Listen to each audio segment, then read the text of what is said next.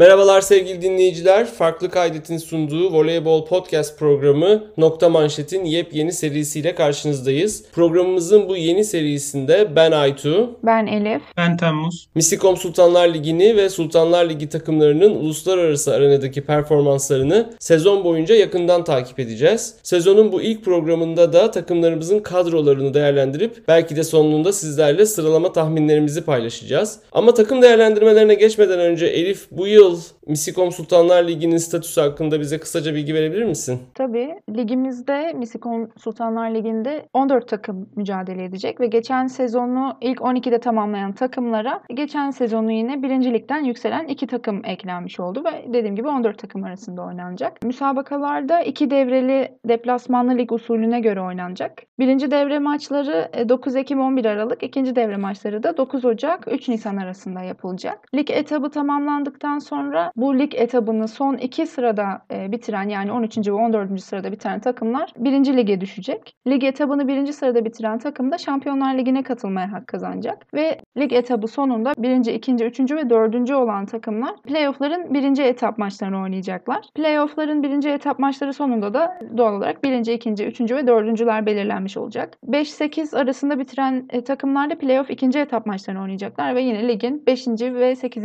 takımları, 5. 6. 7. 8. takımları belirlenmiş olacak. E, ve bildiğimiz üzere playofflar sonucunda final oynayan iki takım Şampiyonlar Ligi'ne katılmaya hak kazanacak ve bunlar arasında lig birincisi varsa üçüncü de Şampiyonlar Ligi'ne bilet bulacak. Dördüncü olan takım da Sev Cup'ta, beşinci olan takım Challenge Cup'ta, altıncı olan e, takım da Balkan Kupası'nda oynamaya hak kazanacak. Ligin statüsü genel olarak bu şekilde olacak. Yani e, önemli olan sıralamalar birden 6'ya kadar olan e, sıralamalar. 6. olan takım Balkan Kupası'na gidecek. Balkan Kupası'nı da birincilikle bitirirse o da Challenge Kupası'nda oynamaya hak kazanacak. E, playoff müsabak- müsabakaları da yarı finaller ve finaller şeklinde gerçekleşecek. Aslında geçen yıldan çok da büyük bir farkı yok e, anladığımız kadarıyla. Sadece geçen yıl 16 takım vardı. Pandemi sebebiyle bir önceki yıl e, düşme olmadığı için.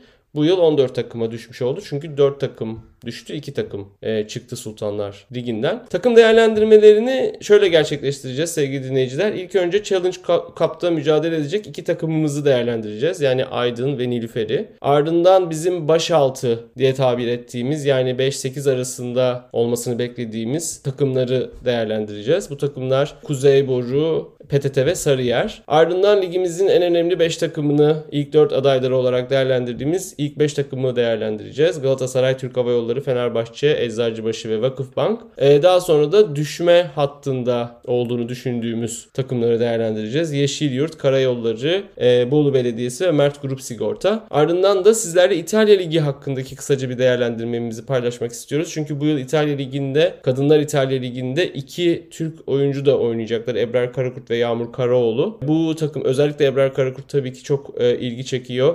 Ee, çok önemli bir takımda Igor Gorgonzola Novara'da oynayacak. Bu takımlarla ilgili değerlendirmemizi de paylaşacağız. Tabii ki İtalyan Ligi'nin takımları bizim Şampiyonlar Ligi'nde ve Dünya Kulüpler Şampiyonası'nda da e, en önemli rakiplerimiz olduğu için yakından takip ettiğimiz bir lig. Evet değerlendirmelerimize başlayalım. Dediğim gibi Challenge Cup'ta mücadele edecek iki takımımızla başlayacağız değerlendirmeye. Geçen yıl e, Challenge Cup'ı Türkiye'den Yeşilyurt, Sistem 9 Yeşilyurt kazanmıştı. Ve yarı finalde Türk Hava Yolları ile beraber belki de bütün sezonun en güzel maçını izlemiştik. Türk Hava Yolları Yeşilyurt karşılaşması yani Türk takımlarının oynadığı karşılaşmalar arasında. Ve de bu iki takımdan birinin kupayı kazanmasına neredeyse kesin gözüyle bakılıyordu zaten sezon boyunca. E, bu yılda iki takımımız Challenge Cup'ta mücadele edecekler. Aydın ve Nilüfer. E, ve bu yılda e, bu kupaya damga vurup vuramayacağımız tabii ki önemli. İsterseniz Aydın'la başlayalım. Aydın 6.lıkla bitirdi. Geçen yıl Balkan Kupası'nı, Kuşadası'nda düzenlenen Balkan Kupası turnuvasını kazandı. E, ve bu yılda e, Challenge Cup'ta oynamaya hak kazandı. Aydın hakkında, Aydın'ın kadrosu hakkında neler söylersin Temmuz? Bu yıl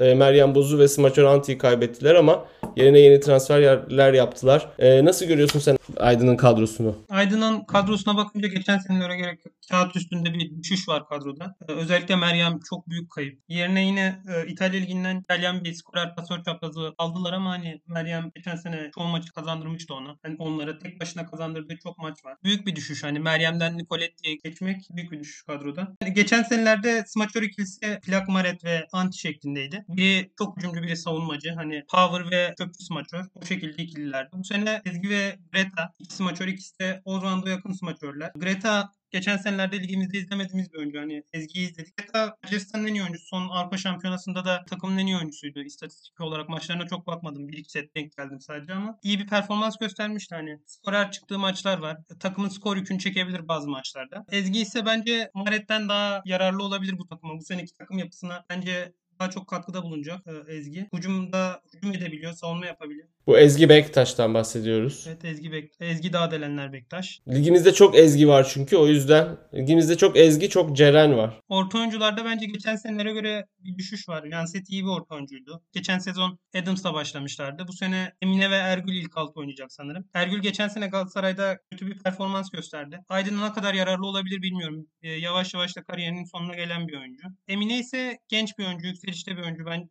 geçen sene gösterdiği performansı beğeniyorum. Ama tek başına bence yeterli olmayacak. Buraya zaten 3 3 orta oyuncusu var bu takımın. Bir yabancı orta oyuncuya ihtiyaç var bence. Yabancı kotaları da varken ellerinde. Şu an iki tane yabancıları var. Bir tane bence yabancı orta alınması gerekiyor bu takıma. Duygu geçen sene başında sakatlanmıştı iyi performans gösteriyorken. Hani e, bence e, Aslan'dan daha iyi oynatıyordu bu takımı. İnşallah geçen seneki sezonun başındaki bir performans gösterebilir. Elif sen nasıl görüyorsun Aydın'ın kadrosunu? Temmuz'un dediği gibi iki yabancısı var Aydın'ın. Biri e, smaçör Zakmeri, Greta. Bir de pasör çaprazı. İtalyan liginden gelen Nicoletti. Kendisi de İtalyan olan. Yani geçen sene İtalya ligini takip etmediğim için çok fazla bilgi sahibi değilim açıkçası Nicoletti hakkında. Nasıl bir performans gösterdiği bilmiyorum ama e, kariyerine baktığımızda Imoco ve Monza'da oynamış. Hatta bir sezon işte Imoco'da Voloş'la oynamış. E, Mazzanti ve Santarelli ile çalışmış. 25 yaşında bir pasör çaprazı. Diğer yabancı oyuncusu ise az önce yine Temmuz'un da söylediği gibi hem Avrupa Şampiyonası'nda hem iyi oynadı hem de 2018 Altın Ligi'nin en iyi smaçörü seçildi. Manşeti fena değil bu oyuncunun. E, bu son Avrupa Şampiyonası'nda e, istatistiklerine baktım. Elemeler dahil %58 de servis karşılamış. Çok pozitif iyi. servis karşılaması ama hücumda %36'da kalmış. Oldukça düşük bir hücum performansı sergilemiş. Yabancı sınırına takılmayacağı için az oynayacağını düşünüyorum ben e, bu smaçörün. E, Güldeniz'in de defansif smaçör olduğunu göz önüne alırsak e, ki Sevkap'ta e, en iyi manşetçi seçilmişti Güldeniz. Aydın'ın hücumda ekstra işler e, yapması gerekecek gibi gözüküyor. E, ortalarda ise ben de Ergül hakkında biraz çekingenim açıkçası. Bazı soru işaretleri var kafamda performansı için ama Emine e, Arıcı hakkında aynı şeyi söyleyemem. Geçen sezon Çanakkale'den Aydın'a geldi ve gerçekten takıma iyi bir katkı sağladığını düşünüyorum. Geçen seneki sezonda da iyi bir performans sergilemişti. Hücumda %47 ile oynamış. Belki çok iyi bir orta oyuncu performansı değil ama e, Aydın için yeterli bir performans göstermişti geçen sezon. Libero mevkisinde de Aydın'da devam eden Eylül ve Fenerbahçe'den gelen Melis Yılmaz var. Ben Eylül'ün oynayacağını düşünüyorum. Çünkü onun performansının Melis'ten daha iyi olduğunu düşünüyorum. Genel olarak değerlendirecek olursak da çok iddialı bir kadro olduğunu düşünmüyorum. Zaten Challenge kupasında işte Malinov'lu, Lipman'lı, Pietrini, Ortman falan, Ana Beatrice'li, Lubyanlı falan Skandici ile yarışabilecek bir ekip olduğunu düşünmüyorum.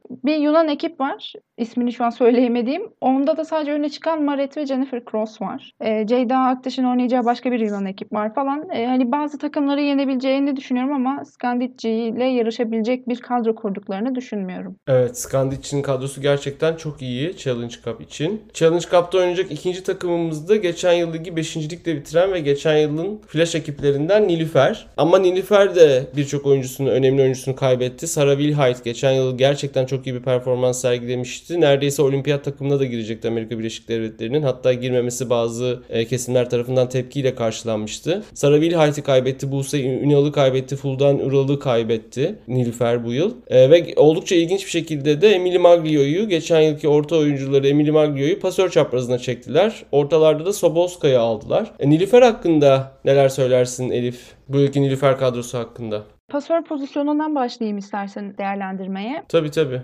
Fenerbahçe altyapısından geldi Hilal bildiğimiz üzere. Geçen sene Fenerbahçe'nin kadrosunda adı vardı ama hiç oynamadı sanırım. Bir set bile girmedi herhalde. Çok az oynadı evet. Daha çok Lille oynadı. O da e, 15 maç falan oynamıştı yanlış bilmiyorsam. Hilal'i yakından çok takip etmediğim için bilgim yok. Diğer pasör de Çağla. Çağla 2018'den beri oynadı. Galatasaray'dan ayrılıp e, Nilüfer'e geldi e, bu sezon. Geçen sezon 133 pasör verimliliği ile oynamış ve oynadığı iyi anlar olsa olsa da oyunu gerçekten çok dalgalıydı. Eğer böyle oynamaya devam ederse ve Hilal de en azından istikrarlı bir oyun oynarsa yani daha az dalgalı diyeyim e, bir oyun oynarsa belki Çağla'yı kesebilir diye düşünüyorum. Hani çok fazla performans hakkında sahip, bilgi sahibi değilim. Emily Maglio hakkında ise e, geçen sezon Nilüfer'de orta oynasa da aslında bir önceki takımlarda pasör çaprazı oynamış Emily. E, 19-20 sezonda Firenze'de Noah Calor ile pasör çaprazı pozisyonunda oynamış gözüküyor. Ben açıkçası pasör çaprazından ziyade asıl sorunun smaçör hattında olduğunu düşünüyorum Nilüfer'de. Yağmur Misline Kılıç akla geliyor smaçör deyince e, Nilüfer'de ama o da bir diz ameliyatı geçirmiş. E, o nedenle ne zaman oynamaya başlayabilir bir bilgim yok. E, Aslı Tecimer de Fulden ve Wilhite'in yedeğinde bir sezon geçirdi. Yedekte bekledi. Defne Başyolcu'yu getirdiler. Daha ilk kez Sultanlar Ligi'nde oynayacak. Henüz sadece 15 yaşında. 2006'lı bir oyuncu. Evet 15 yaşında bir oyuncu. Yani Wilhite yerine oynayacağını düşündüğüm yeni transfer Ukraynalı Bitishenko var. O da 2016 yerinden, yılından beri Türkiye'de oynuyor. Bir, bir sezon Fransa'ya gidip gelmiş, Kanda oynamış ama e, genellikle Türkiye Ligi'ni de aslında az çok yakından tanıyan bir ya da Türkiye'yi en azından sistemi az çok yakından tanıyan bir oyuncu gibi düşünebiliriz. Boyuna baktım 1.92 boyunda bayağı boy avantajı olan da bir smaçör ama e, Wilhite'in yerini dolduracak bir smaçör olduğunu kesinlikle düşünmüyorum. E, hemen ortaya gelecek olursak da Sobolska'nın iyi bir transfer olduğunu düşünüyorum. E, bir sezon zaten Aydın'da oynamıştı.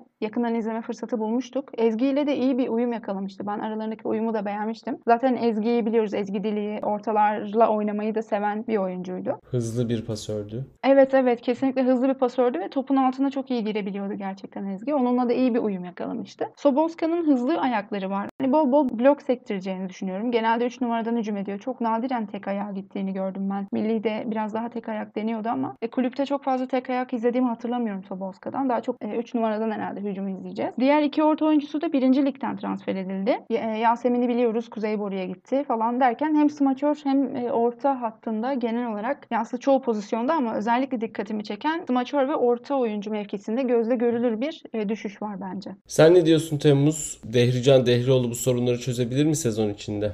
Öncelikle bence Ehrican Dehrioğlu daha iyi bir kadroyu hak ediyordu. Çok bir şey beklenmiyordu geçen sene Nilüfer'den hani kağıt üstünde bakıldığında. Takımı ilk 4 yarışına soktu. Son anda kaybetti o yarışı. Şu an Avrupa Kupası'nda mücadele edecek. Hani bence Nilüfer daha iyi bir yatırım yapmalıydı bu takıma. Genel olarak ben geçen seneye e, göre değerlendirirsem bence hani neredeyse her pozisyonda sadece libero zaten aynı. Kağıt üstünde düşüş var kadro olarak. Pasör çaprazında belki düşüş var diyemeyiz. Hani Maglio daha iyi performans gösterebilir geçen seneki pasör çaprazlarında. Ama diğer pozisyonlarda smaçör, orta oyuncu, özellikle orta oyuncuda ben büyük bir düşüş görüyorum. Hani Sudenaz'ı ben U20 şampiyonasında izledim. Şu an bu seviyeye hazır olduğunu düşünmüyorum. Blok tekniğini geliştirmesi gerekiyor. Fileden çok açık kalıyor. Pasörle çok ortada kalıyor. Yani muhtemelen Sudenaz ve Saboska oynayacağı için e, Sudenaz üzerinden değerlendiriyorum. Sudenaz blok tekniğini geliştirmeli dediğim gibi. Fileden çok açık kalıyor. Hücumda da şu an ortalama bir hücumcu. Hani hücumda da fark yaratmıyor ortalama. Hani bu seviyede ortalama olur mu bilemiyorum. Yasemin'in yerini do- doldurmasını zor görüyorum. Yasemin hem tek ayaktan vurabiliyordu hem üçten vurabiliyordu. Hem blokta iyi bir oyuncu. Onun yerini doldurabileceğini düşünmüyorum. Bence büyük bir düşüş. Aynı şekilde Maglio ortada oynamayacak bu sene. Sabosko oynayacak. Sabosko geçen senelerde Elif'in de dediği gibi Türkiye Ligi'nde iyi bir performans göstermişti. Ama devamında bu sene ben Belçika takımında izlerken hani performansını beğenmedim. Ee, yanındaki oyuncu Marlis Janssens iyi bir oyuncuydu bence. Hani onu alabilirdi Nilüfer. Sanırım o da şu an e, Belçika Ligi'nde küçük bir takımda oynuyor. Yani daha ucuza gelirdi muhtemelen. Onu tercih edebilirlerdi. Dominika dediğim gibi Belçika milli takımda formsuzdu. Şeyde Nilüfer'de nasıl olacak bilemiyorum. Genel olarak düşüş var orta oyuncuda. Smaçör pozisyonunda ise bence Fulden'in yerine gelen isimler Mistina ve Hümay. Bence Fulden kadar katkı verirdi Türk smaçör rotasyonunda. Ama Mistina sakatlandı. Onun sakatlığına kadar süreceğiz. Yani yine bir sorun. Bitsenko, Wilhite hani Wilhite çok daha iyi bir oyuncu. Bitsenko'nun aynı katkı verebileceğini düşünmüyorum. Geçen senelerde de e, Nilüfer'de oynamış bir oyuncu yarı yılda gitti sanırım. Pasör çapraz oynuyordu. Birincilikte, geçen sene birincilikte smaçöre geçmiş. Onun öncesinde Nilüfer'de pasör çapraz oynarken performansı beğenilmediği için yarı yılda gönderilmişti diye hatırlıyorum. Nasıl bir performans gösterir bilemiyorum. Şu anda kendi geliştirmiş midir ikincilikte? Smaçöre geçti nasıl bilemiyorum. Ama beğenilmediği için gönderilmişti. Pasör pozisyonunda ise Çağla ve Hilal. Çağla geçen sene Galatasaray'da çok eleştirilmişti. Bence eleştirilerin büyük çoğunluğu da haklıydı. Ama bu sefer e, Nilüfer'de daha farklı bir oyun kurgusu göreceğiz. Nilüfer Galatasaray'a göre çok daha hızlı oynamaya çalışacak takım. Çağla takımı Galatasaray'daki halinden daha iyi bir performans gösterebilir. E, yedeğe Hilal e, birincilikteki Vakıfbank takımına karşı çok iyi bir performans göstermişti. Bayağı da reaksiyon almıştı. Ama devamında U20'de yine Sudenaz gibi çok iyi bir performans gösteremedi. Özellikle pasör çaprazına attığı paslar çok sıkıntılıydı. 4 numara paslar çok dalgalanıyordu. Paslarını stabilleştirmesi lazım. Sudenaz gibi onun da şu an bu seviyeye hazır olduğunu düşünmüyorum. Hilal'e belki e, Dehrican Dehrioğlu'nun etkili diyebilir. Çünkü parlak çok oyuncu var son 2-3 senede. Yani genel olarak kadroyu ben çok beğenmiyorum. Çok fazla soru işareti var. Hani tamam dediğim bir pozisyon yok. Challenge Cup'ta da kupayı kazanabileceğini düşünmüyorum. Ligde de hani playoff yarışına girmesine de zor gözüyle bakıyorum. Hani daha çok düşme hattının biraz üzerinde bir sırada bulunacaktır muhtemelen. Evet Challenge Cup'ı dediğimiz gibi geçen yıl e, Türk takımları domine etmişti ama bu yıl iki takımı da e, Türk Hava geçen iki Türk Hava Yolları ya da geçen iki Sistem 9 Yeşilyurt ayarında maalesef bulmadığımızı görüyorum. E, fakat bu iki takımın bir önemli özelliği daha var. İki önemli genç Türk hoca çalıştırıyor bu takımları. Alper Hamurcu ve Dehrican Dehrioğlu. Uzun vadede millinin geleceği için yani milli takımımızın geleceği için de belki bir, bir açıdan birbirleriyle rekabet olan, halinde olan iki hocadan bahsediyoruz. İkisinin de Guidetti ile çalışma tecrübesi de var. Bu iki önemli genç antrenörler çalıştırıyor bu takımları. Onların rekabeti hakkında ne söylersiniz ya da onların performansıyla ilgili beklentileriniz neler? Ben Dehrican Dehroğlu'nu çok daha beğeniyorum Alper Hamurcu'ya göre. Bence Alper Hamurcu elindeki kadroyu yeterince kullanamadı son senelerde. Çok daha büyük bir bütçesi var. Aydın'ın büyük bir bütçesi var. Genelde isim transferleri yapıldı. Daha iyi transferler yapılabilirdi. Alper Hamurcu'nun performansını beğenmedim. Geçen sezonda ligin büyük çoğunluğunda kötü bir performans sergiledi. Hani uzatılmasına da şaşırdım ben sözleşmesini. Ama sonlarda Galatasaray performdan düştü. Ee, Yeşilyurt maçlara çıkamadı korona sebebiyle. Biraz da sonlarda biraz şansıyla da 6. sıraya aldı. Hani ben uzatılmasına şaşırdım. Bence uzatmamalıydı Aydın sözleşmesini Alper Hamurcu'nun. Dehrican Dehroğlu'nu dediğim gibi çok beğeniyorum. Bence daha iyi bir kadroyu hak ediyordu. TVF ile bir sorun yaşandı ama ileride inşallah milli takımda görev alabilir. Evet, Dehrican Dehrioğlu'nu yakından takip etmeye devam ediyoruz. Şimdi takım değerlendirmelerimizin ikinci bölümüne geçelim isterseniz. Yani Aydın ve Nilüfer'le beraber bu playoff'un ikinci etabına yani 5.lik 8.lik etabına katılmasını beklediğimiz, iyi performans göstermesini beklediğimiz takımlara dönelim. E, bu yıl bu takımlar arasında Kuzeyboru, PTT ve Sarıyer var. Ben en azından öyle görüyorum. Belki Sarıyer'e katılmazsınız. Normalde Karayolları ve Yeşilyurt'u da burada sayabilirdik ama onlar e, bu sene kurdukları kadrolarla biraz daha düşme hattından kurtulmak için oynayacaklarmış gibi gözüküyor. E, bu yüzden onları programın daha sonuna doğru değerlendireceğiz. İsterseniz Kuzeyboru ile başlayalım bu 3 takımlık değerlendirmeye. Kuzeyboru Aksaray'ı temsil eden bir takım. Lige geçen sene fena sayılmayacak bir giriş yaptılar. E, ligde kalmak için istekli olduklarını gösterdiler. İşte bir maskot belirlediler. O maskot gitti Isabel Hakk'a evlenme teklif etti falan. Biraz onlar eleştiri de aldı. E, ama yani bunlar aslında kulübün e, biraz olsun e, lige yatırım yaptığını da yani Sultanlar Ligi'nde kalmak için yatırım yaptığını da gösteren hamlelerdi bence. Şu anda ligdeki takımlar arasında da ülkemizin en doğusundaki takım e, Aksaray ülkemizin ortasında kalsa da maalesef onun doğusundan hiçbir kadın takımı şu anda Sultanlar Ligi'nde mücadele etmiyor. E, bu yılda kadrolarında pasörde Arelia, pasör çaprazında Alessia Rihliuk, samaçörde İkiç Miçim, e, Ezgi Akyaldız, Fulden Ural gibi oyuncular var. Ne dersiniz bu kadro hakkında? Güçlü ve zayıf yanları sizce neler? Elif seninle başlayalım istersen Kuzeyboru değerlendirmesine. Bence Kuzeyboru'nun güçlü yanların arasında Arelia, Miçim ve İkiç var. Ee, yani bu üçünün ay, e, takımda devam ediyor olması bence bir güçlü yanı. Yani bir pasör değişimine gitmemeleri ve smaçörlerin de pasörle uyumunun sağlanmış olması e, güçlü yanı. Smaçör ikilisi de senin de dediğin gibi büyük ihtimalle Mitcham ve Ikic olur gibi düşünüyorum. Yani büyük ihtimalle onlar olur. Smaçörlerden biri aksadığında da Fulden oyuna girebilir. Fulden de çok iyi bir e, bench oyuncusu bence. Hatta Aslı oyna, oynamışlığı var zaten. Aslı oynayabilirdi aslında bu takımda. Dört yabancısı var Kuzeyboru'nun. E, bunlardan biri de Kübalı smaçör Flores. 31 yaşında ve 1.85 boyunda bir smaçör. Yani oyuncu hakkında çok bir bilgim yok ancak yani onu almak yerine Ezgi'yi mi yetiştirseydik acaba onu mu oynatsaydık daha iyi mi olurdu bilemiyorum. Çünkü hem yaşı hem de boyu dezavantajlı bir oyuncuyu aldık yabancı statüsünde. Yani evet Kuzeyboru playoff'ları oynayan bir kadro kurmadı sonuçta. Yani hedefleri o değil ama bana yine de dediğim gibi hem boy hem yaş açısından bu kadar dezavantajlı bir yabancı oyuncu getirmeyi çok mantıklı bulmuyorum. Ezgi en azından önceki sezon karayollarında az oynamıştı. Evet belki hücumda pek iyi bir performans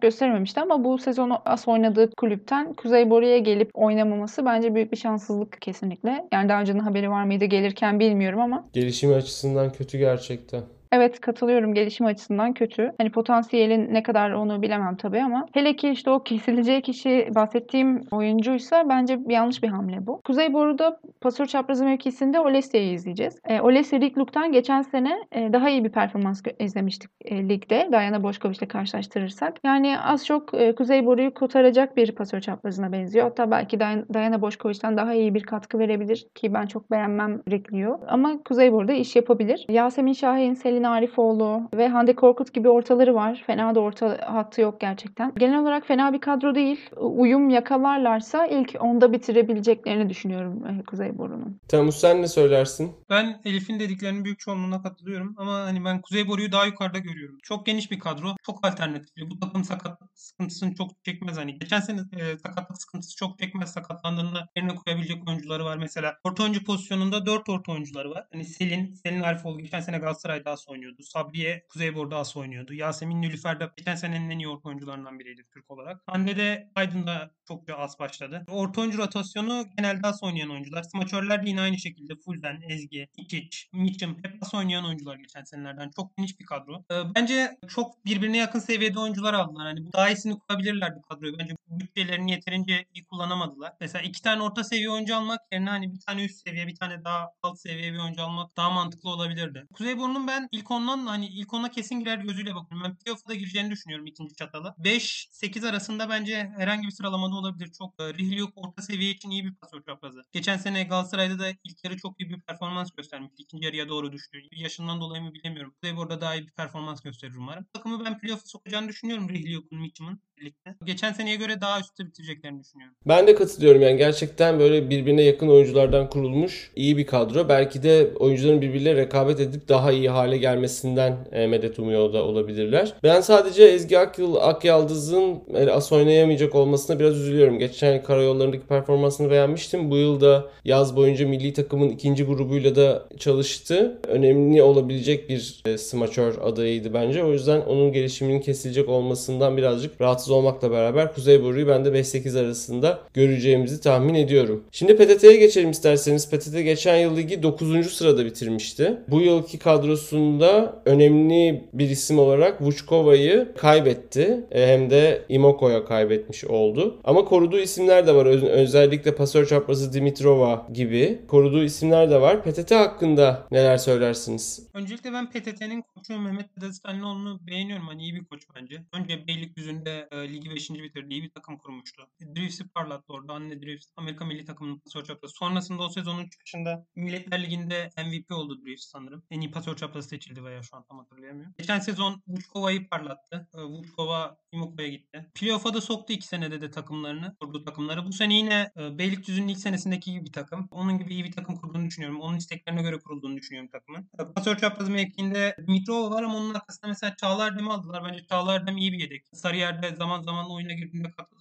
katkı veriyordu. Yedek pasör çaprazı iyi bu takımın. E, smaçörleri Amanda Brezilya Ligi'nde geçen sene Cristina ile oynamıştı. Anna Cristina Fenerbahçe'nin Brezilyalı 17 yaşındaki smaçörünü kapamıştı manşette. Manşeti sağlam bir oyuncu. Katkı verir bilemiyorum. Helena Russo e, bence orta seviyenin en iyi smaçörü. Amanda ile birlikte manşeti sağlam iki oyuncu. Manşet hattı sağlam ama pasör bu takıma biraz eksi yazabilir. Sıla bu takımın potansiyelini nasıl, ne kadar açığa çıkarır bilemiyorum. Bu takım hızlı oynayabilecek bir takım. Hızlı oyunla verimli olabilecek bir takım. Sıla bunu ne kadar oynatabilir bilemiyorum. Ece Morova benim yedek pasör. Ece Morova geçen sene iyi bir performans göstermişti. Ben formayı alabileceğini düşünüyorum sene içerisinde. Neredeydi Ece Morova geçen yıl?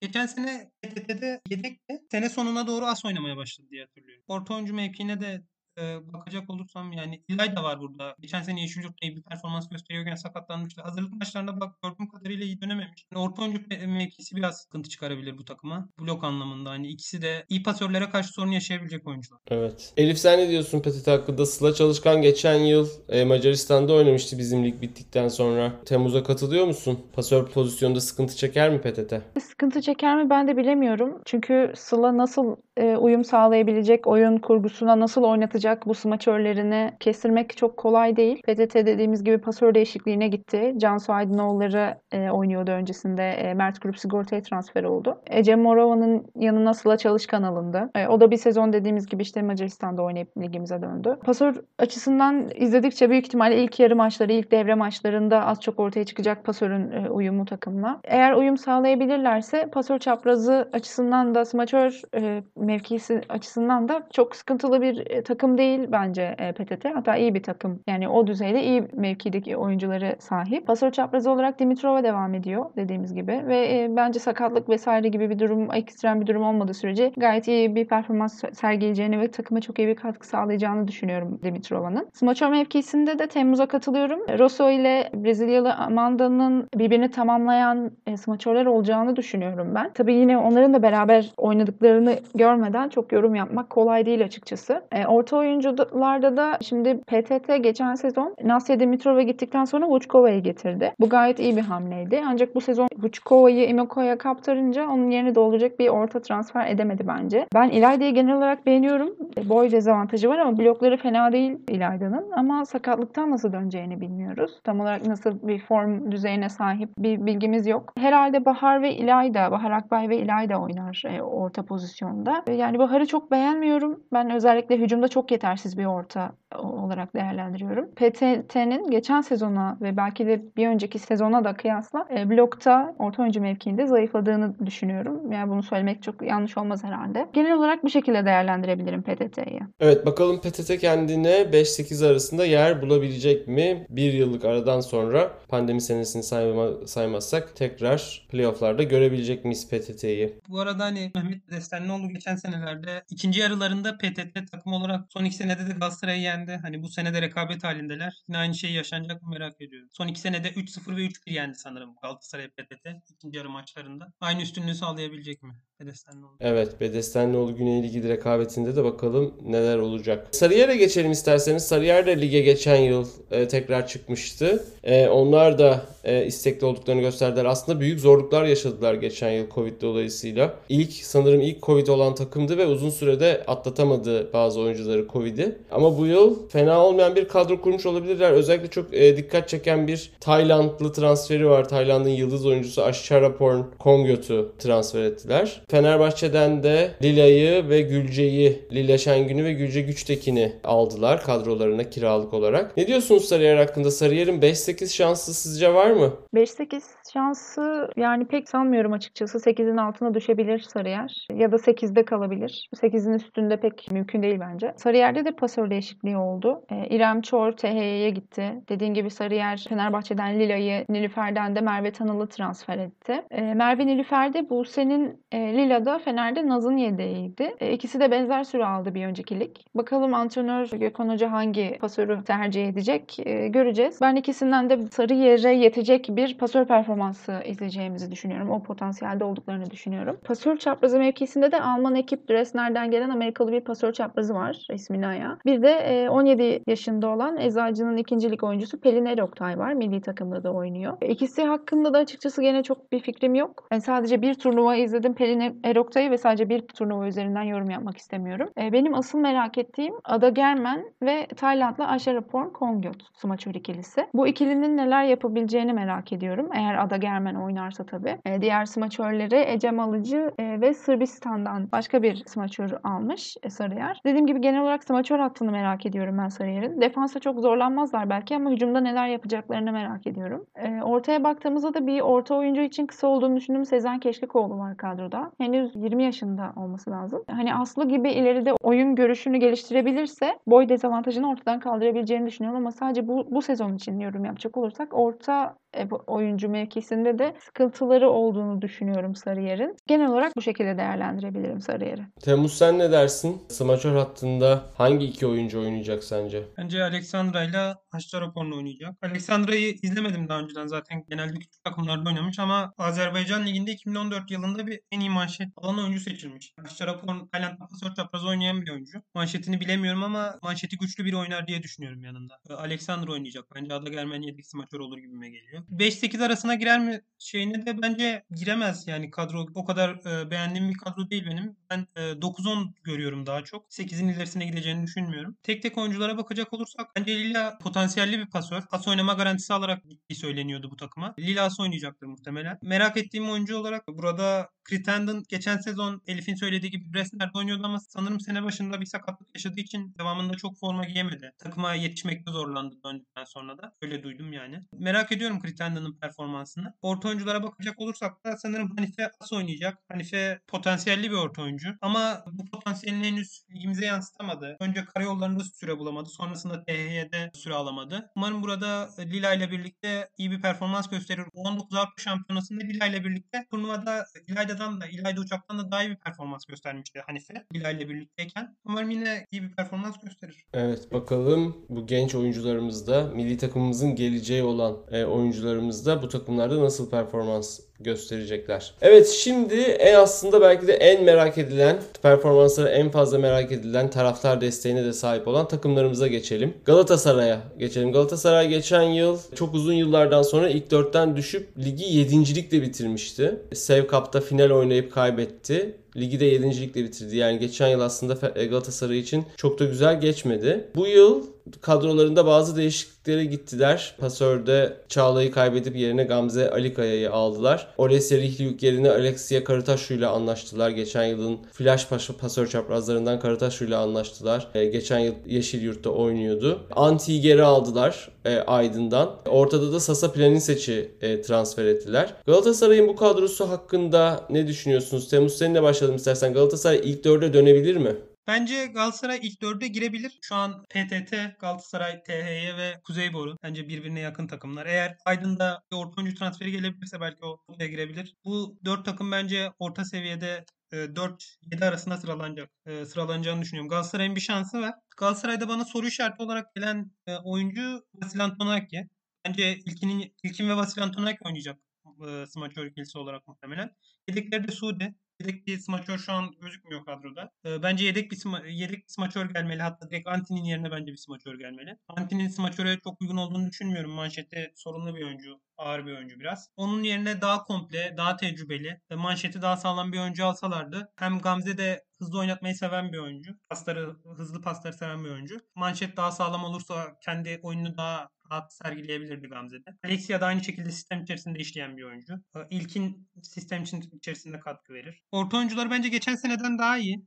Zeynep Sude Yeşilyurt'ta iyi bir performans göstermişti. Blok sayıları yüksek çıkan bir oyuncu. Biraz ağır. Ben onu biraz Kakoleska'ya benzetiyorum. Hani Türk Kakoleska. Planinseç de Aydın'da iyi bir performans göstermişti. Saboska yarı yılda gittiğinde Planinseç'i almışlardı diye hatırlıyorum. Planinseç iyi bir performans göstermişti ama onun sonrasında doğum arası verdi. Nasıl döndü bilemiyorum. Aydın'daki gibi oynarsa Galatasaray ilk 4 için güçlü adaylardan biri olabilir. Tabii iyi bir koç performansı gerekiyor. Ataman Güney Ligil'den bunun için. Elif sen ne dersin? Sen Anti'yi beğeniyor musun ya da Zeynep Sude Demirel'den beklentilerin neler? Anti'yi çok beğenmiyorum. Zeynep Sude'den de çok büyük bir beklentim yok açıkçası. Temmuz'un dediği gibi benim de aklımda bazı soru işaretleri var Galatasaray'a dair. Şimdi Gamze'nin dönüşü nasıl olacak? Aynı şekilde Planinse'nin dönüşü nasıl olacak? Anti nasıl manşet alacak? Almayacaksa ilkin defansif smaçör rolü mü üstlenecek? Milli takımda ihtiyacımız olabilecek olan ilkin bu nedenle Anti'yi e, manşetten kaçıracaklarsa defansif mi oynayacak? Bir de ufak bir sakatlığı olduğundan bahsediliyordu bu Ihlara Kupası'nda. Son durumu iyi mi? Nasıl? Ne durumda bilmiyoruz. Onu da merak ediyorum. Yani bir de bir takımın orta oyuncu hattı bence çok önemli.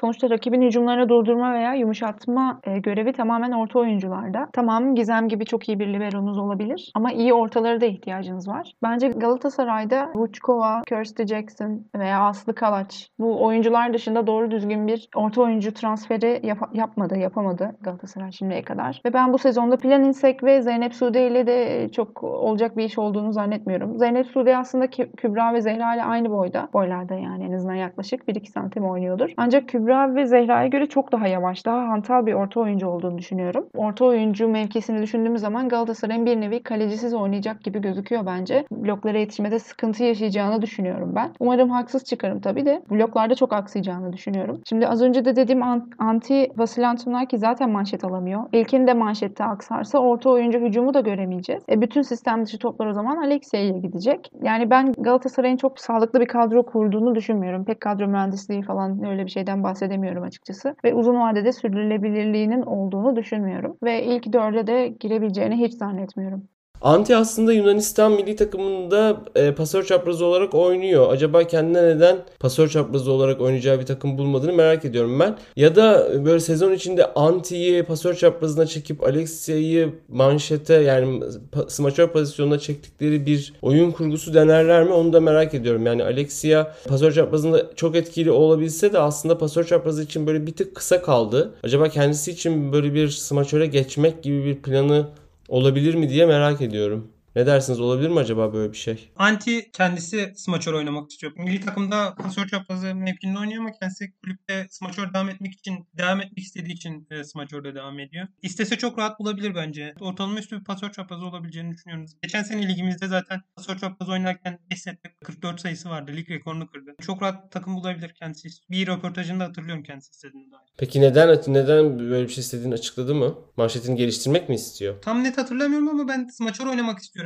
diyordu. Öyle hatırlıyorum. Evet, e, Galatasaray'dan sonra bir başka büyük kulübümüze geçelim. E, Fenerbahçe'ye geçelim isterseniz. Fenerbahçe de e, önemli değişiklikler yaptı. Melisa Vargas şu anda kadroda yok. E, pasör çaprazında Lazareva ve Tutku Burcu Yüzgenç'i izleyeceğiz. Yedek pasör çaprazı Ceren Kestiren Göz de değişti. Smaçör'de de önemli değişiklikler var. Arina, Meliha, Ana Cristina de Souza e, olmak üzere. E, Elif ne diyorsun Fenerbahçe hakkında? Sence Fenerbahçe şampiyon olabilecek bir kadro kurabildi mi? İlk transfer haberleri çıktığında söylendiği gibi bence Fenerbahçe büyük bir kumar oynuyor. Eğer bu bahisler tutarsa yani bu iddialar tutarsa şampiyonluk için aday olabilirler. Şampiyonlar Ligi'nde de belli bir seviyeye kadar gelebileceklerini düşünüyorum. Ama belli bir seviyenin üstüne çıkarabilecek bir pasör çaprazlığına e, sahip olduklarını düşünmüyorum. E, ne Tutku ne de e, Lazareva'nın özellikle Şampiyonlar Ligi seviyesinde bir pasör çaprazı olduğunu düşünüyorum. Naz nasıl bir form seviyesi yakalayacak soru işareti. Milli takımdaki performansı pek e, beğenilmedi. Geçen seneki kulüp performansı da öyle çok iyi değildi. Eda en azından düşük viteste başlayıp vitesi arttırarak bitirmişti sezonu. Genellikle de böyle oynuyor zaten Eda. Ama Naz'da aynısını göremedik. E, pasör çaprazını zaten söyledim. Smaçör'de asıl işte kumardan bahsettiğim olay smaçör hattında. Eğer e, yabancıları Popovic, e, Fedorotseva ve Lazareva şeklinde oynarlarsa e, Meliha smaçör olarak oynamak zorunda kalacak. Türk e, smaçör rotasyonunda. Ve Meliha'nın e, manşette aksadığı bir e, senaryoda Yapacak hiçbir şeyleri yok. Yani Naz'ın artık yapacak hiçbir şeyleri yok. Hiçbir oyun kurgusu artık kurtarabileceğini düşünmüyorum. Çünkü Naz'ın geçen sezondan da biliyoruz. Gerçekten çok kötü manşette eli kolu bağlı oluyor. Filenin içinden e, sürekli plase atmak durumunda kalıyor. Ya da doğru düzgün pas atamıyor. E, Böyle olunca da belki belki de Naz'ın yani formunu e, düşüren şeylerden biri de kötü manşetti. Gizem ne kadar kapatabilecek eğer Meliha yerine işte hem Ana Cristina hem de Fedoroseva ile oynarsa ki bunu çok düşük bir ihtimal olarak görüyorum. Belki ligden düşmeye oynayan takımlarla yaptıkları maçlarda belki bu e, e, smaçör ikilisini görürüz. Ama Gizem ne kadar kapatabilir bunu da bilmiyorum. Evet çok iyi bir libero gerçekten. Ama alacağı alan çok büyük olacak. Orta olarak bence ligin en güçlü orta rotasyonundan birine sahip Fenerbahçe. Libero açısından da gerçekten çok kuvvetliler. E, ama dediğim gibi hem pasör çaprazı ileri seviye maçlar için soru işareti bende hem de manşet hattı çok büyük bir risk barındırıyor Fenerbahçe'de. Acaba Cansu'yu bazı maçlarda smaçör oynatmayı düşünüyor mu Zoran Terzic? Cansu Çetin çünkü zaten bir smaçör Ee, ama bu yıl libero olarak kadroda bırakıldı. Dediğin gibi çünkü yani Melia'nın manşette aksadığı durumda diğer 3 smaçör Arina, Arina Cristina de Souza ve İpar. Yani üçünün de manşeti neredeyse yok gibi bir şey. O yüzden gerçekten hani Arina'nın manşette ne kadar sorun yaratabildiğini hem olimpiyatlarda hem Avrupa Şampiyonası'nda da gördük. Arina çok büyük bir transfer ama yine de gerçekten manşeti çok sorunlu. Bakalım neler olacak. Sen ne dersin Temmuz? Dediklerinize katılıyorum. Manşet hattında bir tek güven veren Melia var. Yani Melia aksadığında Eda herhalde manşete girecek. Yani o kadar sıkıntılı. Ki girer.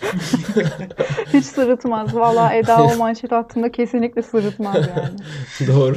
Eda hakemlik de yaparsa gerçekten yani sahada her şeyi yapabildiğine şahit olmuş olacağız. Kesinlikle.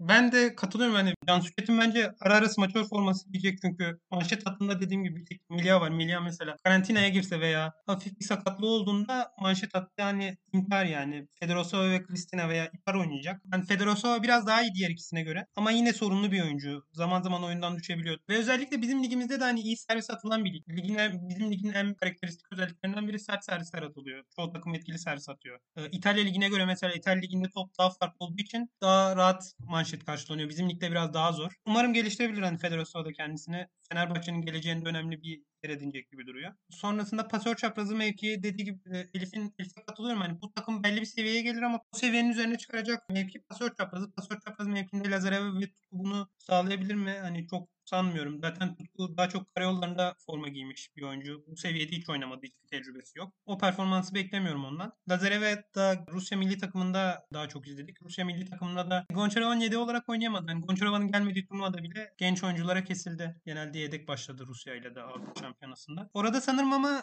Vargas ikinci yarı gelecek takım. Vargas katılınca birçok şey düzelecektir. Hem hücum hem servis. Bu takımda birçok şeyi düzeltecektir Vargas. Üst seviyeye de çıkaracaktır. Vargas'ın eklenmesiyle bu takımın ben çok yani her takım yenebileceğini düşünüyorum. Yani Imoko'yu vakıftan daha güçlü görmüyorum Fenerbahçe'yi Vargas'la, Vargas'la birlikte de. Ama diş geçirebileceğini düşünüyorum Vargas'la birlikte. Eğer tek maç üzerinden, iki maç üzerinden bir seride. Öyle söyleyeyim. Vargas'ın gelmesini bekliyorum takıma. Gerçek performansını görmek için. Vargas gelirse gerçekten dediğin gibi takımda bir sınıf atlama olabilir. Çünkü gerçekten en sorunlu pozisyon pasör çaprazı gibi gözüküyor.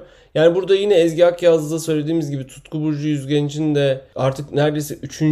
pasör eğer Vargas gelirse 3. pasör çaprazına dönüştüğü bir durumun da gerçekten ben yani gelişim açısından çok sorunlu olduğunu düşünüyorum. Bakalım neler olacak. Ben bir şey daha ekleyebilir miyim burada hızlıca? Tabii. Ben Arina hakkında şunu da eklemek istiyorum. E, gerçekten çok büyük potansiyelli genç bir oyuncu. Hücumları da çok sert, servisleri de çok etkili. Ancak attığı servisler kadar manşetinin kötü olması nedeniyle karşıya verdiği ace sayıları da var. Veya e, ace olarak dönmese bile e, oyun kurgusunu zedeleyen, manşette tıkayan bir oyuncu. Buna ek olarak bir de yabancı oyuncularının, Fener'in e, yabancı oyuncularının hepsinin Sultanlar Ligi'ne ilk defa geldiğini hatırlatmak lazım. Lazareva'nın, Popovic dışında e, Fedorovseva'nın ve Ana Kristina'nın da gerçekten çok genç olduğunu da hatırlatmak lazım. Hem genç hem ilk defa farklı bir ligde oynayacaklar. Bunların da bir dezavantajını yaşayacağını düşünüyorum ben Fenerbahçe'nin. Ama her şey yolunda gider. Bir uyum yakalanırsa da lig şampiyonu bile olabileceklerini düşünüyorum. Ama dediğim gibi ileri seviyelerde pasör çaprazı mevkisinde Vargas gelmezse şayet çok büyük sıkıntı yaşayacağını düşünüyorum ben Fenerbahçe'nin. Evet bakalım Fenerbahçe bu sorunları aşabilecek mi? Sezon içinde göreceğiz. Hem ligde hem de Şampiyonlar Ligi'nde nasıl bir performans sergileyeceğini. Şampiyonlar Ligi'ndeki bir başka takımımız da Türk Hava Yolları. Türk Hava Yolları'ndaki en önemli değişiklik Ebrar Karakurt'un ayrılıp yerine Kanada'nın pasör çaprazı, Kanada milli takımının as pasör çaprazı Kiara Van Riek'in e, gelmiş olması. Kiara Van Riek'i Milletler Ligi'ndeki performansını izlemiştik. Bizim takımımıza karşı da fena olmayacak bir performans sergilemişti. Bir başka değişiklik de Dali Santana yerine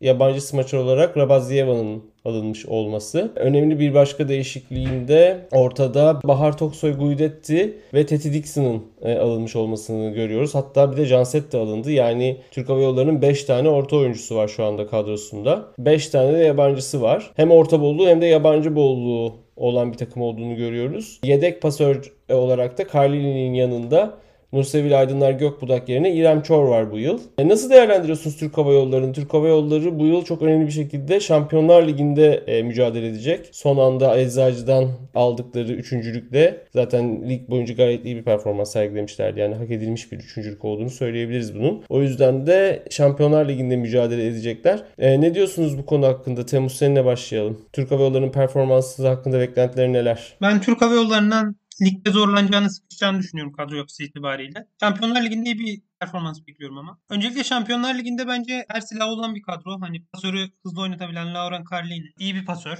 Zaten şampiyonluk da yaşadı Şampiyonlar Ligi'nde. Van Rijk iyi bir pasör çaprazı. Biraz onun yontulması lazım. Çiğ bir pasör çaprazı. Ee, biraz daha pişmesi lazım. Uzun yıllar TH'ye katkı yapabilecek bir pasör çaprazı olduğunu düşünüyorum eğer belli bir seviyenin üzerine çıkabilirse, yontulabilirse. Ee, Yede Pol- Polen İyi bir pasör çaprazı yine. Smaçörlerde Ravadzieva, Medi, Şeyma. Yine iyi bir smaçör üçlüsü. Ee, Ravadzieva ve Madison at başlarlar. Şeyma da yedekten iyi bir yedek. Milli takımda da çok çok kullanıldı. Ortalarda da Asli Yanset, Peter Dixon. Üç alternatif iyi bir kadro kurdular. Pozisyon olarak eksik bir oyuncusu yok. Her pozisyondan katkı alabilir. Eksiksiz bir takıma dönüştürdüğünü düşünüyorum. Şampiyonlar Ligi'nde sürpriz yapmalarını bekliyorum eğer. Kura da yardım ederse. Zor bir gruba düştüler ama. O gruptan çıkabileceğini düşünüyorum. Kolay değil ama çıkabilir o gruptan. Moskova'ya üstünlük sağlayabilir. Abondanza zaten kariyeri boyunca da beklentilerin üzerine çıkan bir koç olmuştur. İyi bir performans bekliyorum Şampiyonlar Ligi. Lige, lige dönecek olursak ligde ben bu kadronun sıkışacağını düşünüyorum. Şeyma ilk altı oynayacak muhtemelen. Şeyma, Medi, Van Rijk, Carlini ortalarda da Aslı, Yanset oynar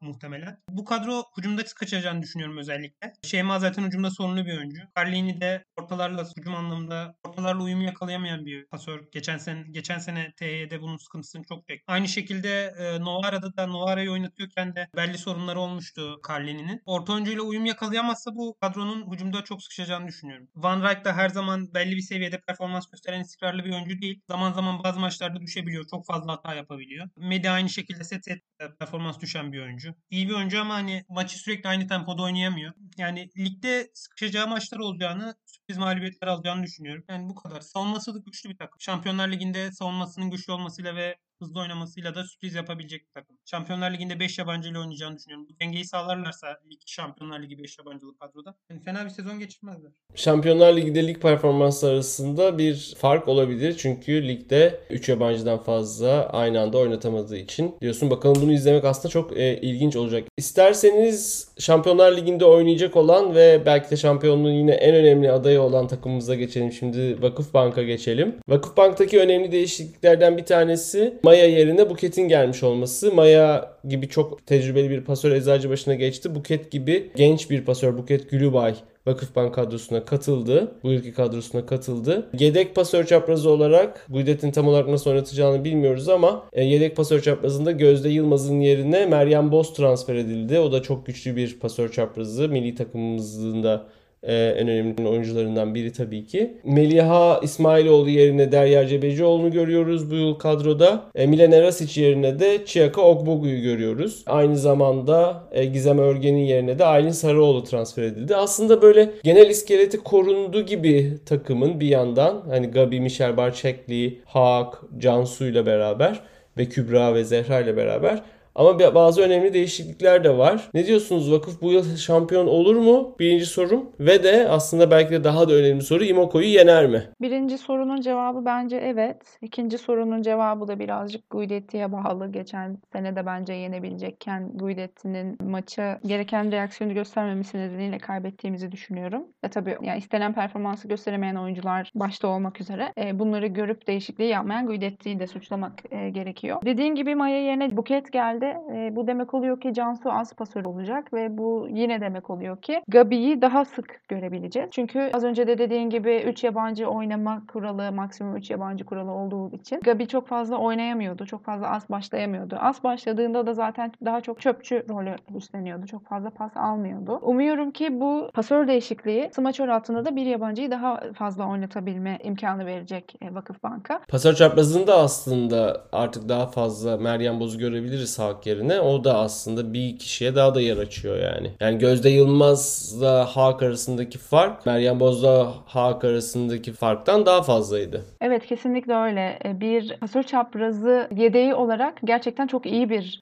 oyuncu Meryem. Çok iyi bir alternatif açıkçası üst düzey takımda. E, Eczacıbaşı'nı bir, bir kenara bırakacak olursam pasör çaprazı konusunda gerçekten en güçlü bench'e ve işte az oyuncuya sahip olduğunu söyleyebilirim. Eczacı çok daha iyi bu konuda. Pasör çaprazı mevkisi açısından konuşacak olursak. Şimdi bir yandan ya herkes biliyordur az çok artık Gabi hayranıyım. Gerçekten aşığım yani o kadar söyleyebilirim ama diğer yandan da ben Tuğba ve Derya'yı da çok fazla görmek istiyorum. Tuğba'nın zaten hem geçen seneki e, kulüp performansı hem de yani oynadığı kadarıyla hem de milli takım performansını çok kişi beğenmiştir diye düşünüyorum. Ve kesinlikle formayı da hak ettiğini düşünüyorum. Gabi'nin oynamadığı anlarda Tuğba ve Derya'nın nasıl oynayacağını büyük ihtimalle Gabi yerine Tuğba, e, Michel Başheltli yerine de e, Derya oynayacaktır. E, bu iki smaçörün e, ve vakıf altyapısından da gelen bu iki smaçörün nasıl oynayacağını çok merak ediyorum. Bilena yerine Ogbogu'nun nasıl bir performans göstereceğini merak ediyorum. E, Şampiyonlar Ligi maçlarını hazırlamak için çoğu maçta az oynatacağını düşünüyorum yine e, Guidetti'nin Ogbogu'yu. Bence yeterince yani iyi performans göstereceğini düşünüyorum ben Ogbogu'nun. Çok atletik, çok iyi sıçrayabilen bir orta oyuncu ve tek ayağı da gerçekten çok güçlü. Çok da hızlı. Bazen bloğa yetişmede sıkıntılar yaşıyor ama ama genel olarak Vakıfbank düzeyinde çok sırıtmayacağını düşünüyorum. Vakıfbank sisteminde çok sırıtmayacağını düşünüyorum. Çünkü gerçekten çok iyi bir servis karşılamaya sahip bir takım. Cansu da orta oyuncularla çok iyi anlaşabilen bir pasör. Genel olarak Ogbogu'dan da iyi bir verim alınabileceğini hatta geçen sezondan e, Eczacıbaşı'ndan daha verimli oynayacağını düşünüyorum yer aldığı kadarıyla. Şeye de değinmeden geçmek istemiyorum. Carmen'in ve e, Selin Adalı'nın e, az takımla birlikte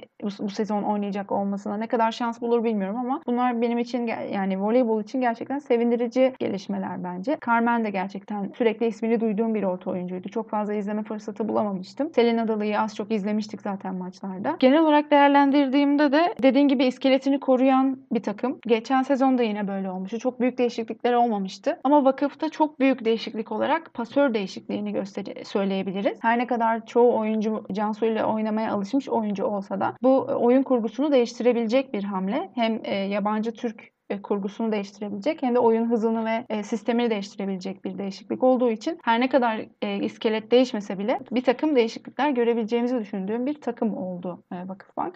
Bu şekilde genel olarak değerlendireyim. Konuşursam çok daha uzatırım çünkü.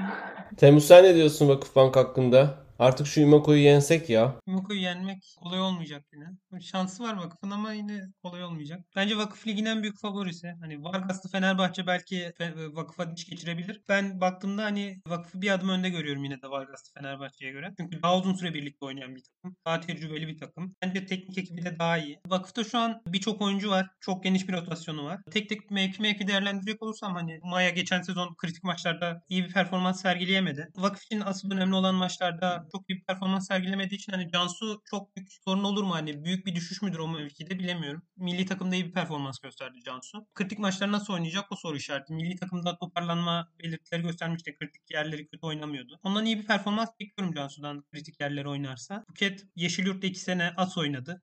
Geçen sezon şampiyon oldu. Ondan önceki sezon takımı 5. bitirdi ligi. iyi bir sırada bitirdi. Cansu'dan zaman zaman Cansu'nun yerine oyuna gireceğini düşünüyorum. Forma şansı bulabileceğini düşünüyorum Buket'in. Zaten vakıfta e, Guidet'te rotasyonu kullanmayı seviyor.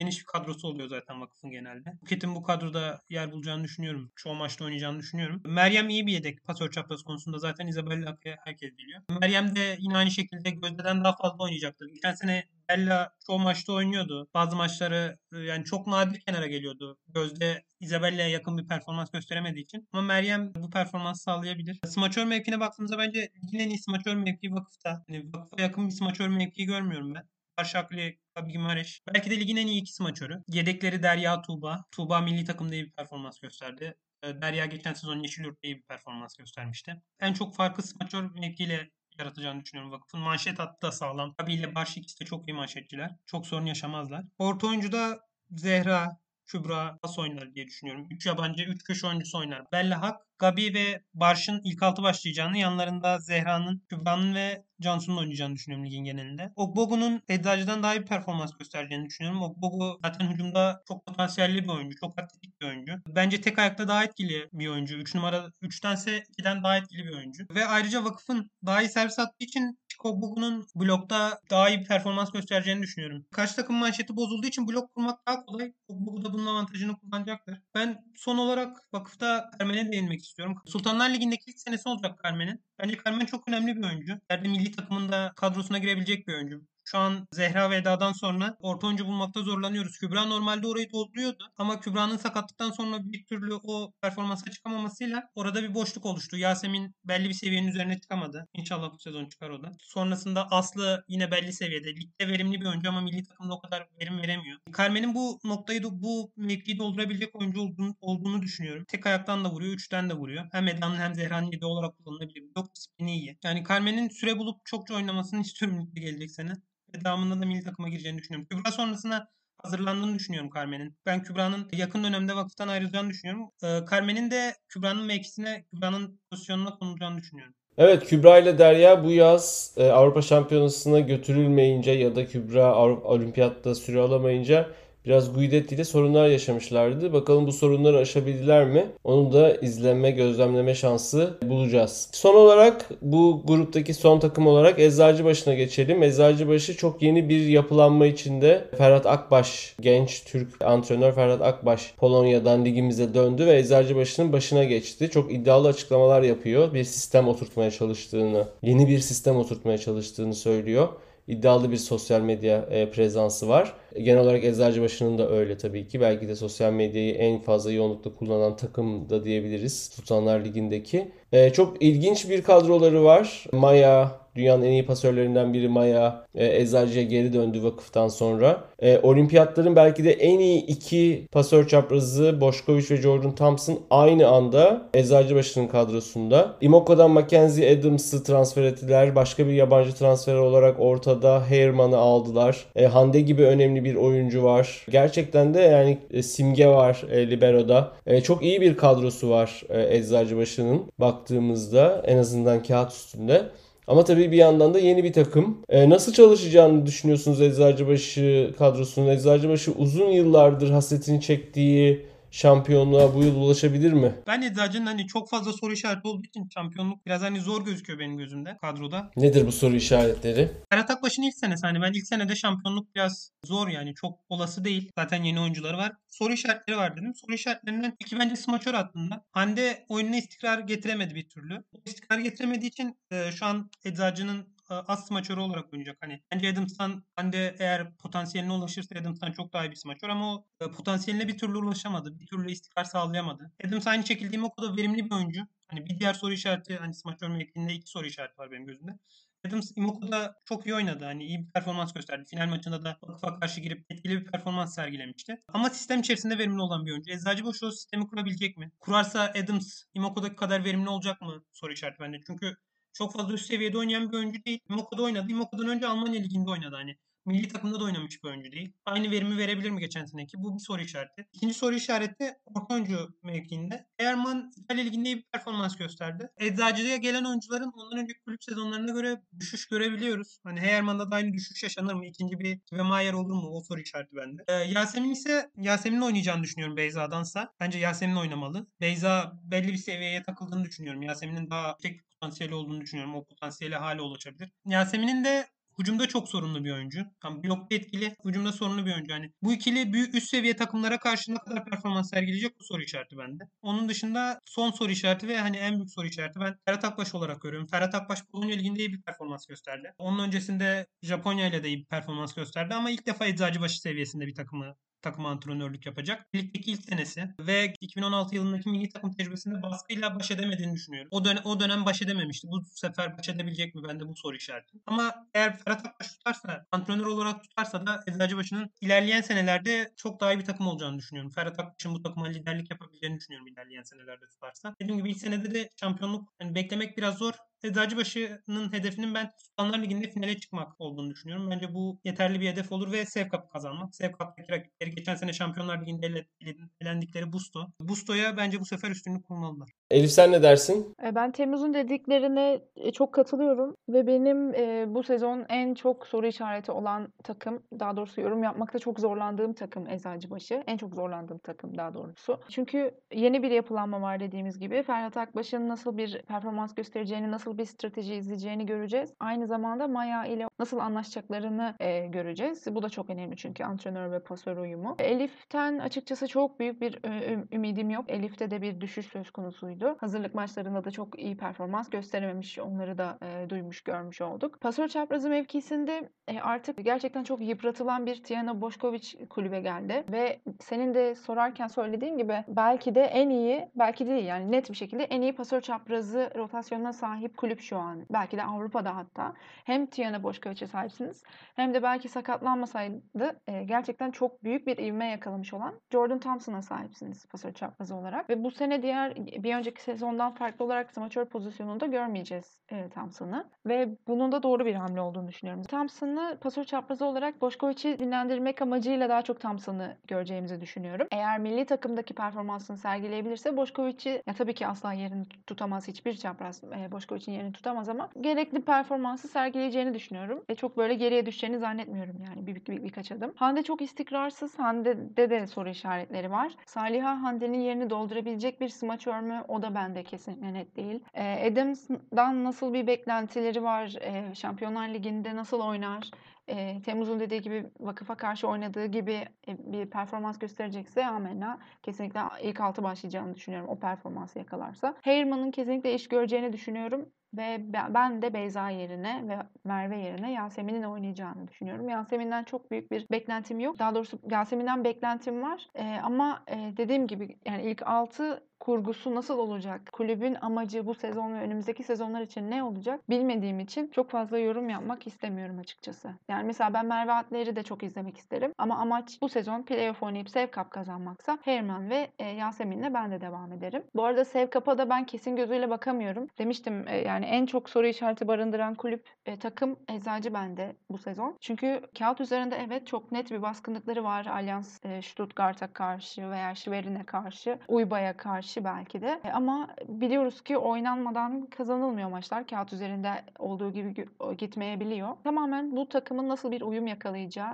e, antrenörün tercihleri ve oyuna müdahaleleri bence bu sezonu e, ve Sevkap'ın kaderini belirleyecek gibi gözüküyor. Eczacıbaşı ile ilgili cevaplarımız daha çok sorularımız olduğu yönünde yani. Bakalım neler göreceğiz sezonda Eczacıbaşı'ndan gerçekten hepimizin çok büyük bir merakla beklediği bir sezon Eczacıbaşı açısından. Şimdi düşme hattındaki 4 takımımız kaldı. E, isterseniz kısa kısa e, bunlarla ilgili hangisinin düşme olasılığının daha fazla olduğu ile ilgili size sorayım. Bu e, 4 takımda Karayolları, Yeşilyurt, e, Bolu Belediyesi ve Mert Grup Sigorta. Bolu Belediyesi ve Mert Grup Sigorta yeni çıktılar lige. E, karayollarında önemli değişiklikler var. Yalnızca tek yabancısı var karayollarının bu yıl kadrosunda. Gözde Yılmaz'ı aldılar as pasör çaprazı olarak. Gerasimova tek e, yabancıları. Yeşilyurt'ta e, kadro yapılanması halen sürüyor. O yüzden belki de Yeşilyurt'u e, tam olarak değerlendirmek biraz zor. Strumilo'yu ve Kelsey Wertman'ı e, şu anda kadroya katmakta olduklarını görüyoruz. Bolu Belediyesi de Havriçkova'yı pasör çaprazı olarak aldı. Mert Grup Sigorta'da da Cansu Aydınoğulları az önce söylemiştik pasör olarak geldi. Özgenur Çetiner Türk Hava Yolları'ndan transfer edildi orta oyuncu olarak. E, genel olarak bu takımlar hakkında, bu dört takım hakkında kısaca ne söylersiniz? E, programımızın süresi biraz uzadı. E, bu takımları başka programlarda belki özellikle de iyi performans sergilerlerse konuşuruz ama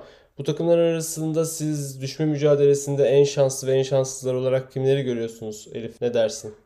Ben açıkçası Yeşilyurt ve Mert Grup Sigorta'yı düşme potansiyeli olan takımlar olarak görüyorum. 13 ve 14. sırada yer alırlar gibi tahmin ediyorum. Aslında Mert Grup Sigorta bayağı yatırım yapıyor ve yapacak gibi de bir izlenim verdi. Hani nasıl kotarırlar, yeni bir şey transfer yaparlar mı bilmiyorum. Dediğin gibi de tam olarak sanki Yeşilyurt transfer dönemini de kapatmış gibi değil. O yüzden çok net de bir şey söyleyemeyeceğim şimdi son dakika. E, ligden düşmeyi engelleyecek bir transfer yapabilirler mi artık gerçi bilmiyorum ama çok sağlıklı olmayacak yorum yapmak sanırım. Ama sorduğun soruya cevap olarak ben Yeşil Yurt'un ve Mert Grup Sigorta'nın ligden düşme ihtimalinin daha yüksek olduğunu düşünüyorum. E, karayollarında Gözde'nin yeterince iyi performans gösterebileceğini düşünüyorum. İyi bir takım uyumu yakalarlarsa ben Gözde'nin de orada iyi bir performans sergileyeceğini düşünüyorum. Genel olarak böyle düşünüyorum ben e, düşme hattı kulüpleri, takımları için. Temmuz sen ne dersin?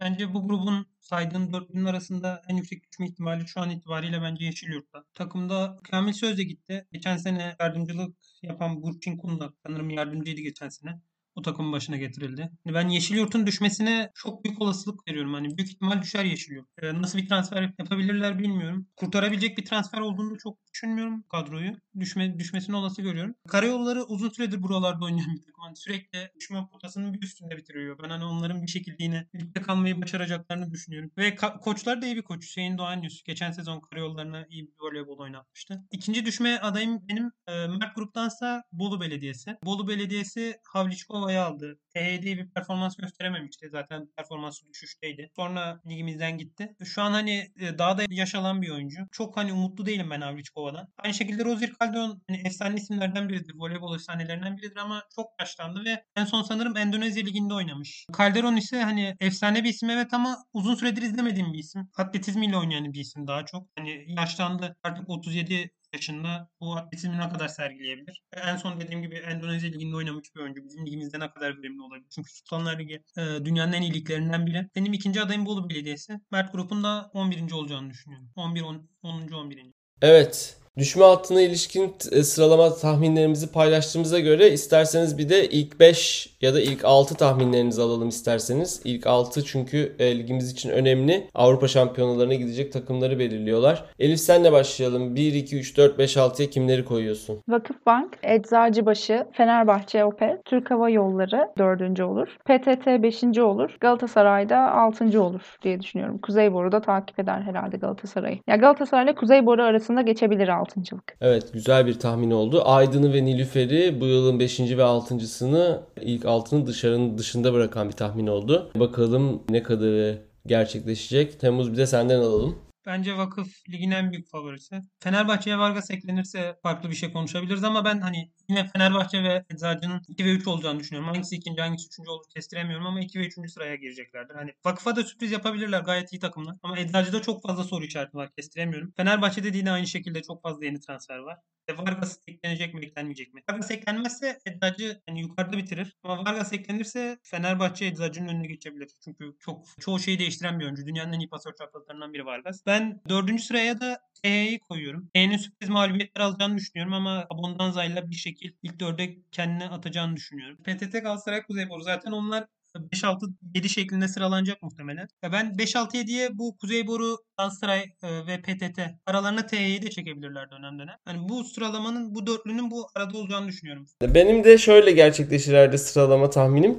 Yani ben birinci Vakıfbank olacağını düşünüyorum ben de ama ya inşallah olmaz diyorum. Çünkü yani bir takımın bir ligi bu kadar domine etmesinin o lig için çok sağlıklı bir şey olduğunu düşünmüyorum. Yani ben genel olarak takım olarak Fenerbahçeliyim ama aslında voleybolda böyle çok e, takım tutan bir bir taraftarlığım yok. Ben sadece artık Eczacıbaşı'nın ya da Fenerbahçe'nin şampiyon olup ligimize daha fazla çeşitlilik getirmesini istiyorum ama bunu çok da olası gördüğümü de söyleyemeyeceğim e, henüz bu kadrolarla. Birinci büyük ihtimalle vakıf olur. E, ikinci ben ya ikinci de ben de seçim yapamıyorum Fenerbahçe ile Eczacı arasında. Hakikaten ikisi, ikisi içinde çok soru işareti var. Dördüncü bence te- Türk Hava Yolları olacağını düşünüyorum.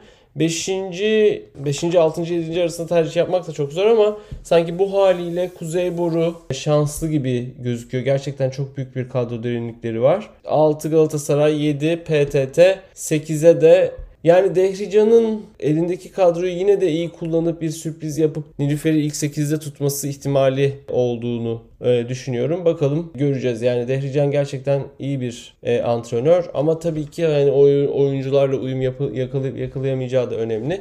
Ama e, ilginç bir lig sezonu bizi bekliyor. Bakalım Kuzeyboru'da üstündeki baskıyı kaldırabilecek mi? Onlar için de kolay bir şey değil. Bakalım hepsini görme şansımız olacak. İtalya Ligi'nde dediğimiz gibi iki Türk oyuncu oynuyorlar. Ebrar Karakurt çok önemli bir takım olan Igor Gorgonzola Novara'da yani Imoko'nun en büyük rakibi Novara'da oynayacak. Yağmur Karaoğlu da Chieri'de oynayacak önümüzdeki sezonlarda. İtalyan Ligi hakkında ne söylersiniz? Imoko yine herhalde en büyük favori ama Novara onu bu yıl zorlayabilir mi? Ne diyorsun Temmuz? Imoku zaten büyük oranda fark yaratan oyuncularını tuttu. Egonu ve Voloş en başta olmak üzere. Orta oyuncu rotasyonu sakatlıklarla boşladı. Yine çok iyi bir takviye yaptılar Vučkova. Yani Imoku en büyük favori. Sonrasında da Novara geliyor zaten. Imoku Novara arasında geçecek şampiyonluk. Novara geçen seneye göre e, eksik pozisyonlarına ekleme yaptı. Ebrar aldı en büyük fark olarak. Imoku en büyük favori. E, Novara'nın da onlara sürpriz yapabileceğini düşünüyorum. Geniş bir kadrosu var. Laverin iyi bir koç bence. Santarelli'den daha iyi bir koç olarak görüyorum Laverini'yi. Daha farklı ortamlarda başarılı olmuş bir koç. Geçen sezon sonuna doğru da başa baş maçlar oynadı. Ebrar'ın performansını değerlendireyim. Ebrar'ın Ebrar'dan ben şöyle bir performans bekliyorum. Ee, sene başında Ebrar'ın hem İtalyanca bilmemesi, takım arkadaşlarının İtalyanca bilmesi, ortama uyum sağlayamaması. Ebrar'ın İngilizcesi de yeterince değil şu an. Dil sorunu. Aynı zamanda yeni bir ortam, yeni bir pasör, yeni bir lig. Bizim ligimizden daha hızlı oynanıyor İtalya Ligi. Top daha farklı. Beklentiler büyük. Hani Ebrar'ın sene başında performansının biraz dalgalı olacağını, o lige ayak uydurmada zorlanacağını düşünüyorum. Rosa Maria, Yedder Rosa Maria da iyi bir oyuncu. Orada uzun süredir İtalya Ligi'nde, 2-3 yıldır İtalya Ligi'nde oynayan ve en skorer oyuncularından biri son 2-3 yıldaki. Sene başında Ebrar'ın dalgalı bir performans gösterip Rosa Maria ile biraz değişmeli oynayacağını düşünüyorum. Ayak uydurmada zorlanacağını, fiziksel olarak zorlanacağını düşünüyorum Ebrar'ın. Sezon ilerledikçe performansının yükselerek formayı net bir şekilde almasını bekliyorum ben. Ebrar'ın performansını kadar yükselirse Imoko'yu yenme ihtimalleri de o kadar artar diye düşünüyorum. En büyük soru işareti bende pasör mevkisi. Pasör mevkinde Hancock kötü bir performans sergiliyor Novara'da. Ve yedek pasör de o kadar iyi bir oyuncu değil. Sanırım ikincilikten gelmiş zaten Novara'ya. Hani pasör mevkii sorun bende Novara'da. Smaçör mevkii ligin en iyi en iyisi bence. Katerina Herboz Stalderop. Yani orta oyuncu mevkii yine iyi bir, iyi bir rotasyon. Pasör mevkii sorun bende bir tek Novara'da. Evet, ya o nasıl bir smaçör rotasyonu gerçekten? Bossetti, Dalderop, Herbot. İnanılır gibi değil. Evet, Rosamaria ve Ebrar da smaçör oynayabiliyor üstüne. Evet, gerçekten. Elif sen ne dersin Novara'nın Imoko çekişmesi hakkında? Derdimiz bitti Sultanlar Ligi. Bir de Imoko, Imoko Novara çekişmesine geldik. Yani konuşmamız gerekiyor. Hem dediğin gibi Türk oyunculuğumuz var artık e, İtalya Ligi'nde hem de Şampiyonlar Ligi'nde veya herhangi diğer e, Avrupa turnuvalarında karşılaşacağımız ekipler. E, dolayısıyla konuşmamız iyi olur gerçekten de. Ben Ebrar hakkında ek, ek bir şey söylemeyeceğim. Tamamen katılıyorum o yüzden uzatmayayım. Imoko'da bence bir tık bir güç kaybı var. Sila'nın sakatlığı söz konusu. Kimberly Hill bıraktı. Adams da e, eczacı başına geldi. Plummer nasıl bir performans gösterecek bilmiyorum. Manşette çok iyi bir e, smaçör değil diye hatırlıyorum. Ama onun yerine Amerikan smaçör Courtney gerçekten iyi bir manşetçi. Manşet hattını bu şekilde dengeleyebileceklerini düşünüyorlar büyük ihtimalle. Bir diğer smaçörü Sila. Sila'nın da bir sakatlığı söz konusu. Hani nasıl e, dönecek, ne zaman dönecek bilmiyoruz. Bir de şöyle bir e, söylenti varmış. Çin Ligi bittikten sonra e, Kim Yong-kong transfer edilebilirmiş Imoko'ya. Bu da biraz dengeleri değiştirebilir. Orta hattı gerçekten çok güçlü. Folye ne kadar oynayacak bilmiyoruz ama Vuchkova katıldı. Robin de Cruyff var. Butigan var. Gerçekten çok iyi bir orta rotasyona sahip. Vakıfla final oynayacağını düşünürsek vakıfın ortalarından daha güçlü bir orta rotasyona sahip bence. Smaçörde vakıf daha çok ağır basıyor. Novara ile karşılaştırdığımızda da Novara'nın smaçörleri bence Imoko'nun smaçörüne daha e, ağır basıyor ama pasör çaprazında Egon'un tartışmaya kapalı bir performans olduğunu söyleyebiliriz.